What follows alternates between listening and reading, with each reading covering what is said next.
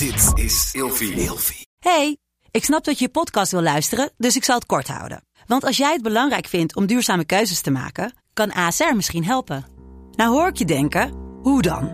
Nou, bijvoorbeeld bij het duurzaam herstellen van schade. Of de premies die we beleggen volgens ons duurzaam beleggingsbeleid. Dat bepaalt waar we wel en juist niet in investeren. Wil je meer weten over welke duurzame keuzes ASR maakt? Ga dan naar asr.nl slash duurzame keuzes. ASR doet het.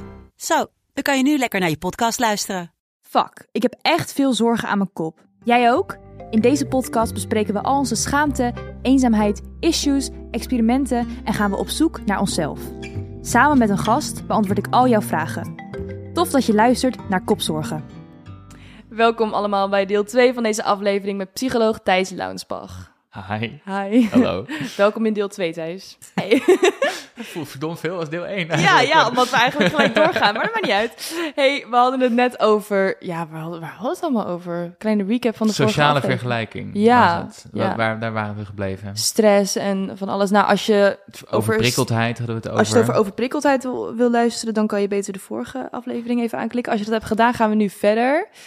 Maar ik wilde het eigenlijk eerst even hebben over het gevoel van je slecht voelen en de quick fix. Ja, daar hadden we het over in de Ja, vorige de quick, quick fix. fix. Ja, je zei- ja. ja, en ja, ehm, waar dat me aan deed denken was het hoofdstuk happyisme.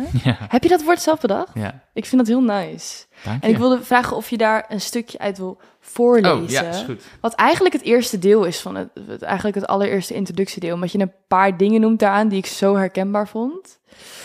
Om vijf uur opstaan, in je bullet journal schrijven, je intenties alignen, koud afdouchen, meer volgens je kernwaarden leven, in de spiegel zeggen dat je de moeite waard bent, mediteren tot je een ons weegt, een half uurtje per dag lachyoga, vegan of glutenvrij gaan eten, negatieve mensen uit je leven bannen, de stilte in jezelf opzoeken, erover praten met een life coach, een energiecoach, een lichtwerker of spiritueel begeleider, een smoothie drinken met spinazie, een inspirerende quote opzoeken, sporten om daarmee endorfines aan te maken, doen wat energie geeft zodat het weer gaat stromen, jezelf verwennen met een enorme ontploffende badbal met glitters. Voel je je ongelukkig, dan zijn er opties te over. De lijst van de dingen die je kunt proberen om je beter te voelen is eindeloos. Er is altijd wel iets dat je kunt veranderen aan jezelf, je gewoontes of je mindset om je beter te voelen. Ik vraag me wel eens af of die nadruk op, op geluk ons daadwerkelijk gelukkiger maakt. Een hoop van de dingen uit de lijst hierboven kunnen wel degelijk helpen om je een beetje beter te voelen. Maar je krijgt van al dit geluksgedoe nog een andere boodschap mee. Ben je ongelukkig, dan is dat een probleem. Een probleem dat je onmiddellijk moet gaan oplossen. Ja, oh, Ja. ik vind het echt zo goed geschreven. Nou, dankjewel. Zijn het dingen die je allemaal zelf doet? Of zijn het dingen die je gewoon aan anderen hebt gevraagd? hey, wat doe jij als je je kut voelt? Ik weet niet of ik... Volgens mij heb ik nog nooit een, sp- een smoothie met spinazie gedronken. Dat is iets eh, wat ik wel doe. Ja? Ja. Oké. En ik, ik denk ook... Volgens mij heb ik nog nooit een ontploffende badbal met glitters gebruikt. Maar dat heb je Ehm, gewoon op Instagram voorbij zien komen. Eh, ja, het zijn een beetje de dingen waar ik, hè, dus als je, het, het- nou, ik heb me laten inspireren door wat ik dan voorbij zie komen in de zelfhulpliteratuur en op Instagram en op LinkedIn en op allerlei hè, blogs die je tips geven over hoe je, ehm, hoe je het beste uit jezelf moet halen, zeg maar. Dus Ja. dat, eh, ik, ik vond het wel een grappig lijstje om, om even allemaal onder elkaar te zetten van wat je dan allemaal moet als je je slecht voelt. Ja, want het zijn eigenlijk in de essentie allemaal fijne dingen. Maar Ja. wat ze wel doen is inderdaad, en de context ervan, dus ze geven je het gevoel dat je je niet één minuut van een dag kut mag voelen, zeg maar. Of dat er Ja. dan iets mis met je is. Precies. Dat, ervaar ik heel erg. En ik denk dat heel veel mensen om me heen dat ook hebben. Ja, nou, ik denk dat dat ook wel een soort van inherent is. Hè, dat, dat dat heel erg hoort bij eh, het soort werk dat wij doen. Hè, dus, eh, dus zelfhulp en met eh, de, hè, dus wat we weten uit de psychologische wetenschap. Ehm, en dat is ook een beetje mijn, nou ja, mijn gebied met de boeken die ik schrijf. En dat is ook wel een gebied waarin veel dus wordt beweerd over waar je dan gelukkig van moet worden. En wat je kunt doen als je je minder goed voelt. En zeker, kijk, die coach, ik, ik schrijf in dat hoofdstuk vooral over, laten we zeggen, de coachingswereld. En daar is dit heel, helemaal sterk aanwezig. Dus je hebt binnen de psychologie dat, dat vakgebied van de positieve psychologie. Van waar worden we nou eigenlijk gelukkiger van? Ehm, wat op zich een heel fijn vakgebied is en belangrijk ook. Eh, en dat is ook een beetje opgepikt door al die life coaches en spiritueel coaches en eh, gelukscoaches, een beetje die kant. eh, waar Nederland vol van zit momenteel. Ehm, en die gaan vaak uit van het idee van, nou ja, dus, dus als er iets mis met je is, dan moet je daar zo snel mogelijk iets aan doen. En ik maak me wel eens zorgen, en dat is een beetje de strekking van het hoofdstuk, of dat niet betekent dat als we dan ons een beetje vervelend voelen, of, of als het een keer een, da- een dag niet gaat, of een week niet gaat, of als we ons slechter voelen, dat we dan het gevoel hebben van, oh, er is iets helemaal mis. En dat moet zo snel mogelijk uit de wereld geholpen worden.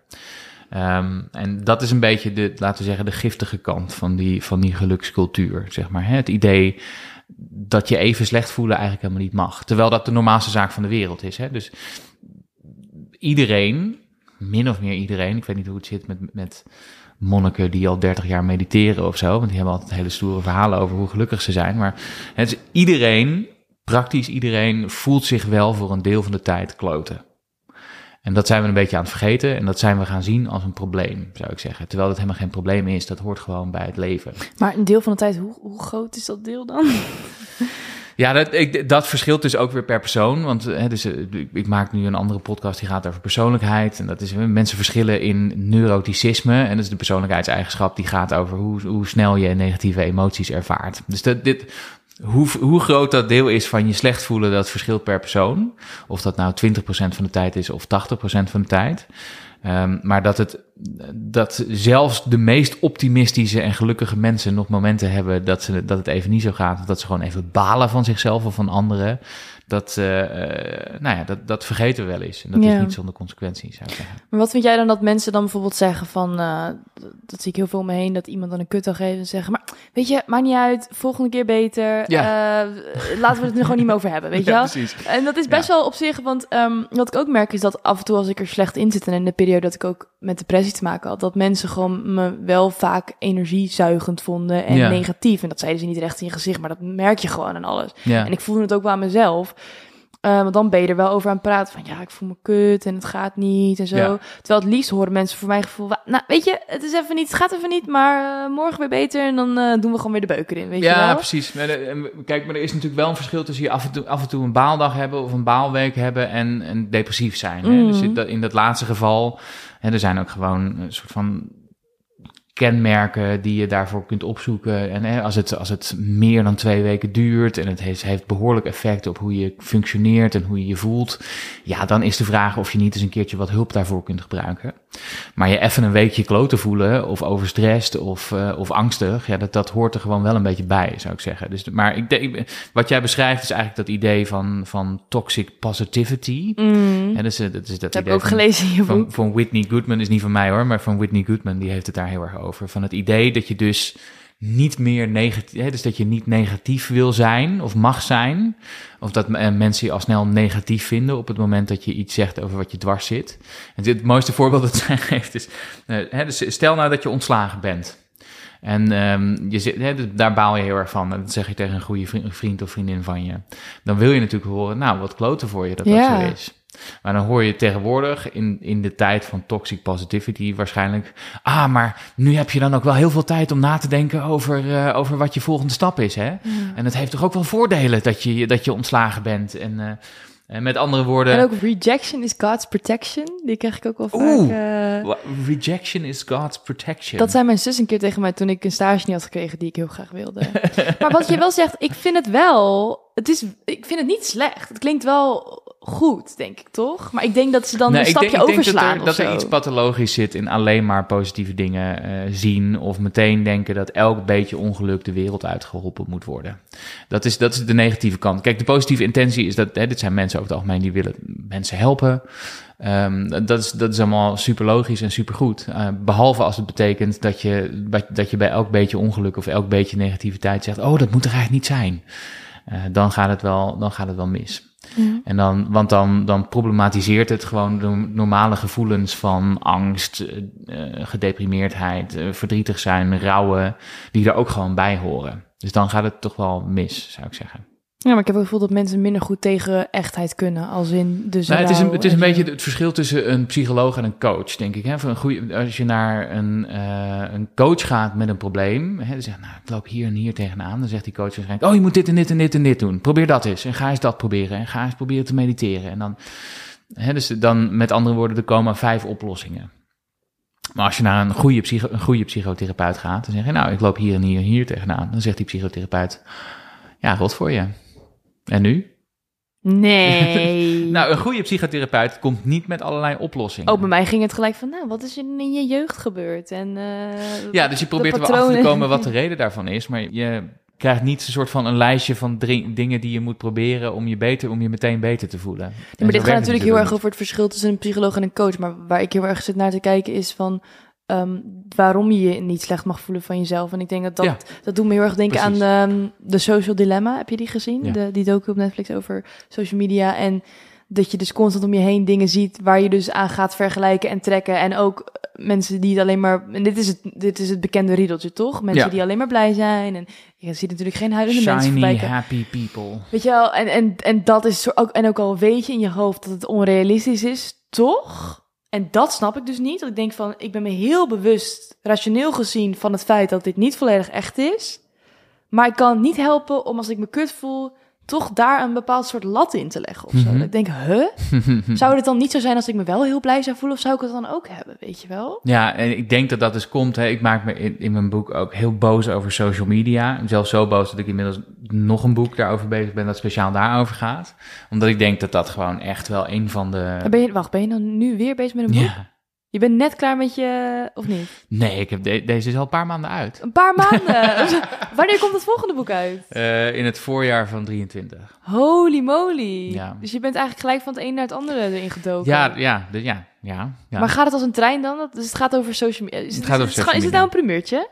Ehm, nou, een soort van. Ik, heb het, ik weet niet, nou, ik heb er wel. Ik weet niet of het echt een scoop is, maar het is wel. Scoop. ik heb er nog niet zo heel veel over gepraat. Maar ik maak, eh, om, om terug te komen naar het punt, ik maak me daar dus echt wel heel veel zorgen over. Over de macht van dat soort algoritmes, programma's, eh, platforms in ons leven. En ik denk een van de lastige dingen, en wat je nu beschrijft is, als ik er met mijn bewuste geest over nadenk, dan kan ik het wel relativeren. Maar als ik erin vastzit, dan, dan lukt dat niet meer. En dat komt omdat dit soort platforms, bijvoorbeeld een Instagram, heel goed zijn geworden om juist je onbewuste te manipuleren. Het gaat voorbij je bewuste geest. Dat is het hele lastige. Eh, en weet je, we, gemiddeld gezien pakken we 50 tot 60 keer onze telefoon op per dag. Nou, dat is niet omdat we elke keer denken, hmm, laat ik eens even kijken wat er op mijn telefoon is. Dan is om, dat is gewoon omdat het een automatisme is geworden. Ja, het gaat zo snel dat je het niet eens door hebt. Ja, precies. En dat is dus, en, en ook, ik maak me dus heel veel zorgen over hoe dit, dit soort platforms ook onze emoties manipuleren. Want ik denk het gevoel van niet goed genoeg zijn, ehm, het gevoel van eh, anderen doen het beter en ik moet eigenlijk harder werken of nog verder gaan dan, dan dat ik al ben, want ik ben er nog niet. Dat zit gewoon vastgebakken in Instagram. Dat is gewoon het gevoel waar dat hele platform om draait. Andere mensen doen het beter en ik moet mezelf verbeteren. Dat is de, he- de hele opdracht van, van Instagram. Twitter is anders. Twitter maakt je gewoon boos. Dat is, ja, Ik zit niet op Twitter, echt. Nee, maar Ik, ook, ik ook niet. Ik maar snap niet waarom mensen... op dat- TikTok? Nee, ik zit... Oh, dan moet je niet opgaan. Dat is echt, ze noemen het, eh, wat is het, Chinese heroïne? Ja, precies. Daar Ja. kan ik gewoon, dan ben ik aan het scrollen en ik wil stoppen, maar Ja. ik kan niet stoppen. dat is echt heel bizar. Ja, dat, maar dat komt dus omdat het dus je, je- met, je, met je bewuste geest weet je dat dat niet gezond gedrag is. Maar die dingen zijn dus zo goed gemaakt dat ze ons onbewust kunnen, in, in, nou ja, kunnen beïnvloeden, zeg maar. Hè? Dat- Dat is waarom die dingen zo krachtig zijn. Ja. En Ga je er dan ook op in, in je volgende boek, wat je daar dan tegen kan doen? Of Ja, want, want aangezien het onze bewuste geest voorbij gaat, hoe ga je Ja. er dan mee om, weet je wel? ja, dat is dus heel lastig. Eh, niet proberen met, met soort van zelfcontrole te denken, oh nou, ik mag niet en het is eigenlijk niet goed als ik daarop zit. En proberen met je bewuste geest daar, daar tegenwicht aan te bieden. Tegen iets wat dus om je bewuste geest heen gaat. Nou ja, TikTok, zoals je zegt. Ik, ik, ik, maar, ik heb het gevoel dat ik voor dit boek. Ik zit dus zelf niet op TikTok, maar dat ik mezelf dus eventjes op TikTok moet gooien. om te kijken wat er dan gebeurt. Lijkt me super interessant. Ik zou het wel doen. Want het is wel, dit wordt ook steeds groter. En steeds meer mensen die, die Ja, daarom. iets- dus het is wel heel relevant. Dus ik denk dat dat, dat ook wel zal gaan moeten. Maar hè, dus die, wat je net beschrijft, dus die, die dingen zijn dus zo verslavend gemaakt. dat het bijna onmogelijk is om daar heel bewust nee tegen zeggen, te zeggen. Dus, maar wat, wat je wel kunt doen, is bijvoorbeeld ehm, al je social media van je telefoon afhalen. Omdat het op je telefoon nog, nog extra verslavend is. ten opzichte van je computer of je laptop die je gebruikt. Wat je kan doen, is heel selectief zijn in welke dingen wel en welke dingen niet. Hè, dus misschien is het niet, eh, je hoeft niet en een LinkedIn en een Instagram en een, en een TikTok en een Twitter en een BeReal te hebben. Misschien, misschien kun je er gewoon één of twee kiezen waar je het meeste uithaalt, zeg Mhm. maar.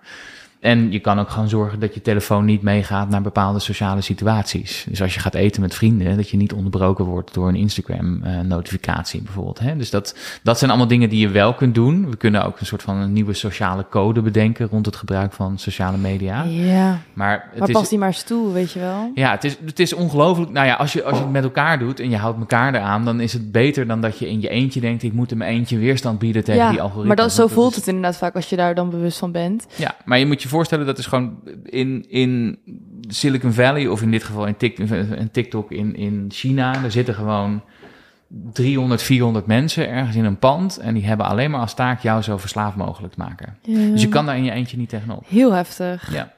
hey, ik wil nog één luisteraarsvraag doen. Ehm, gaat over vergelijken met jezelf. ja. Het feit dat ik mezelf constant vergelijk met anderen zit me heel erg dwars. Ik probeer me hier meer bewust van te zijn, maar het lijkt wel alsof het elke keer vanzelf gaat. Mhm. Elke keer als ik naar mensen kijk die al op veel jongere leeftijd verder zijn dan ik, heb ik het gevoel dat ik faal. Kan ik hier iets aan veranderen? Ja, dit gaat eigenlijk heel erg over waar we het nu over hebben. ja, Ehm, ik denk wel mooi om nog even te kijken van, is er iets buiten social media om? Want ja, ja, je kan social media verwijderen, maar wat je in jezelf daaraan kan doen, is dat een eigenwaarde ding? Of is jezelf vergelijken gewoon onderdeel van de human experience, als het, als het ware? Ja, ik denk dat dat iets heel menselijks is. Want, want we hebben ook voor social media eh, wa- was men ook gewoon bezig met: hey, mag ik, pas ik er wel bij? Doe ik het wel goed genoeg? Ehm, hoe doe ik het in vergelijking met anderen? Dus het is iets heel normaals om je te vergelijken met anderen. Ik denk alleen wel dat er dus met onze moderne technologieën, zoals Instagram, een soort turbo-knop op is gaan zitten. Want je kunt je nu vergelijken met tienduizenden anderen. Ehm, die ook nog alleen maar een soort reclamepraatje van zichzelf naar buiten toe uitdragen, zeg maar. Dus ik zou jezelf, hè, dus als ik dit zo hoor van die vraagsteller, dan zou ik zeggen, neem het jezelf ook weer niet te veel kwalijk dat je die neiging hebt. Want die is heel menselijk. En dat komt omdat het dus op, ons, op een heel diep menselijk niveau raakt. Van, hè, mag ik er wel bij zijn? Klopt het wel? Doe ik het wel goed genoeg? Dat zijn vragen die iedereen zich stelt. Ehm, en waar dus op een hele slimme manier op wordt gecapitaliseerd, zou je kunnen zeggen. Ehm, dus jezelf een beetje vergeven dat je dat doet. Weet je, ik heb het ook. Als ik, ik heb wel eens dat ik dan toch me laat verleiden om Instagram weer eens een keertje te installeren. En dan te kijken, hè, dan heb ik een, een ik, ik heb dus nu iemand die mijn social media doet, zodat ik dat zelf, omdat ik zelf te verslavingsgevoelig ben om daarmee om te gaan. Mhm. Eh, maar soms heb ik dan wel, eh, doe ik een post en is het wel interessant om eens te kijken hoe dat, hoe dat, hoe dat werkt en wat mensen daarop reageren. En dan zit ik echt zo weer in de, in de rabbit hole, zeg maar. En dan zit ik te kijken naar wat andere eh, collega's van mij doen. Die zitten wel op tv en die, die hebben nog meer boeken verkocht dan ik. En die eh, zijn, doen nog grotere sprekersklussen. Dus ook zelfs ik, en ik ben daar gewoon in mijn dagelijks werk nou, min of meer de hele tijd mee bezig, val dan ten prooi aan die jaloezieval, zeg maar. Hè? Zo, zo, zo menselijk is dat. Ehm, en ik denk ook wel dat het hoort bij een fase waarin je bezig bent om jezelf te oriënteren op de wereld. En wat wil ik nou eigenlijk? En wat, wat, welk pad zoek ik voor mezelf, zeg maar.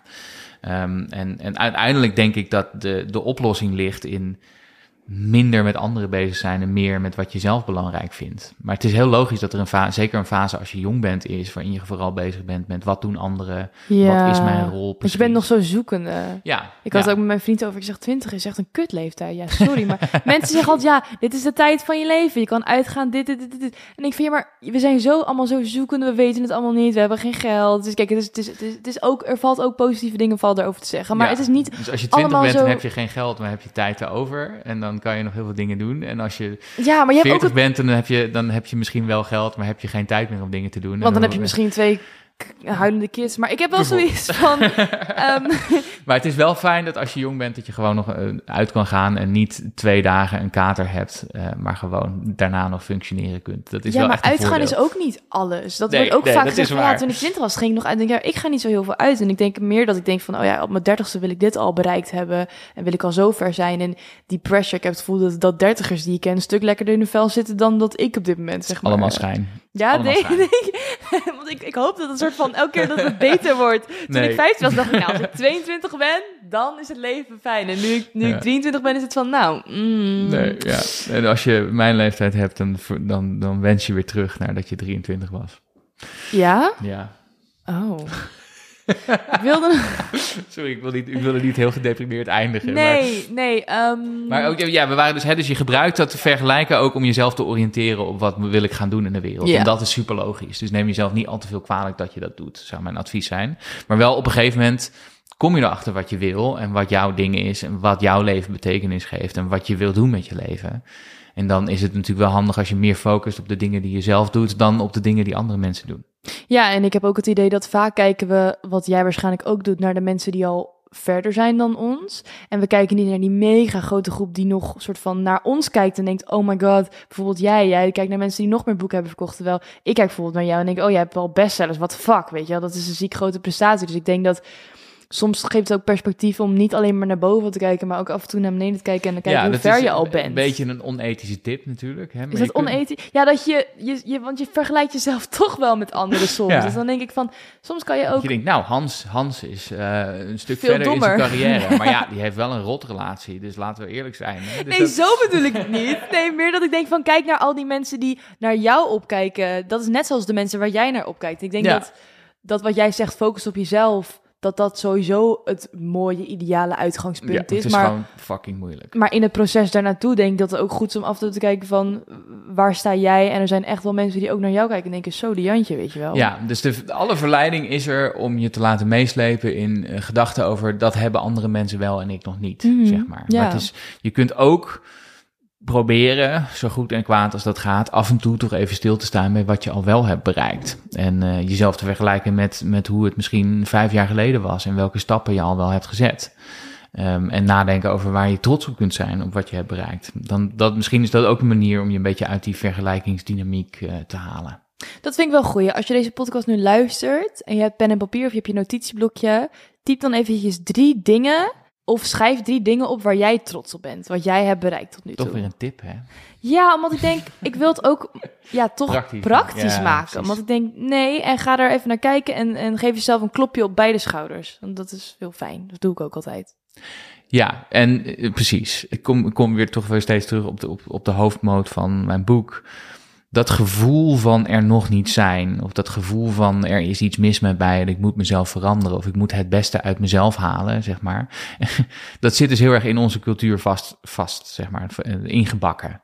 En het is niet terecht, zou ik zeggen. En het is ook een kunst om te kijken naar wat heb ik al wel en wie ben ik al wel en waar kan ik trots op zijn. Hè, dus ehm, daarom het boek ook Je bent al genoeg. Is het idee van dat je nooit goed genoeg bent en dus altijd jezelf moet gaan verbeteren is een leugen, zou ik zeggen. Laatst nog ehm, eh, werd ik geïnterviewd door een, door een blad en die hadden een artikel, waren een artikel aan het maken over hoe haal je nou het beste uit een slechte dag. Ik denk, doe dat nou niet. Accepteer nou gewoon dat je een slechte dag hebt. Ga nou niet dan ook nog eens bedenken wat je dan allemaal moet doen om die slechte dag om te zetten in een goede dag of het beste eruit te halen. Ja, en als het dan niet lukt, dan denk je gelijk, kut, weet je wel. Precies, dus ik denk, er zit ook iets in, hè, dus Dirk de Wachter noemt dat de, de kunst van het ongelukkig zijn. Hè? Dus jezelf mogen toestaan om af en toe gewoon even te balen, eh, jaloers op anderen te zijn, eh, angstig te zijn over de toekomst, het niet helemaal te weten of gewoon een rotdag te hebben. Ik vind het heel mooi en ik vind het heel realistisch. En ik denk, ehm, als, als mensen hier nu naar luisteren en denken, oh, ik heb toch behoefte om hierover te praten. En ben je tussen de 18 en 24 jaar, dan kan je terecht bij de Alles Oké supportlijn. Dat is ook de partner van onze aflevering. En daar zitten vrijwilligers klaar die anoniem met jou kunnen bellen en chatten. En ik raad dat altijd heel erg aan, omdat als je niemand hebt om mee te praten, is dat echt heel erg fijn. En als je wel mensen hebt waarvan je denkt, ik wil, kan dat erbij kwijt, dan zou ik dat ook aanraden. Want erover praten is ook al helend. De onzekerheden uitspreken en dat. Dus dankjewel. Jij bedankt voor het leuke gesprek. Ja, bedankt voor deze setting. Toch wel best wel een praktische setting. Ja, toch? Ja. En eh, voor de luisteraar tot de volgende aflevering.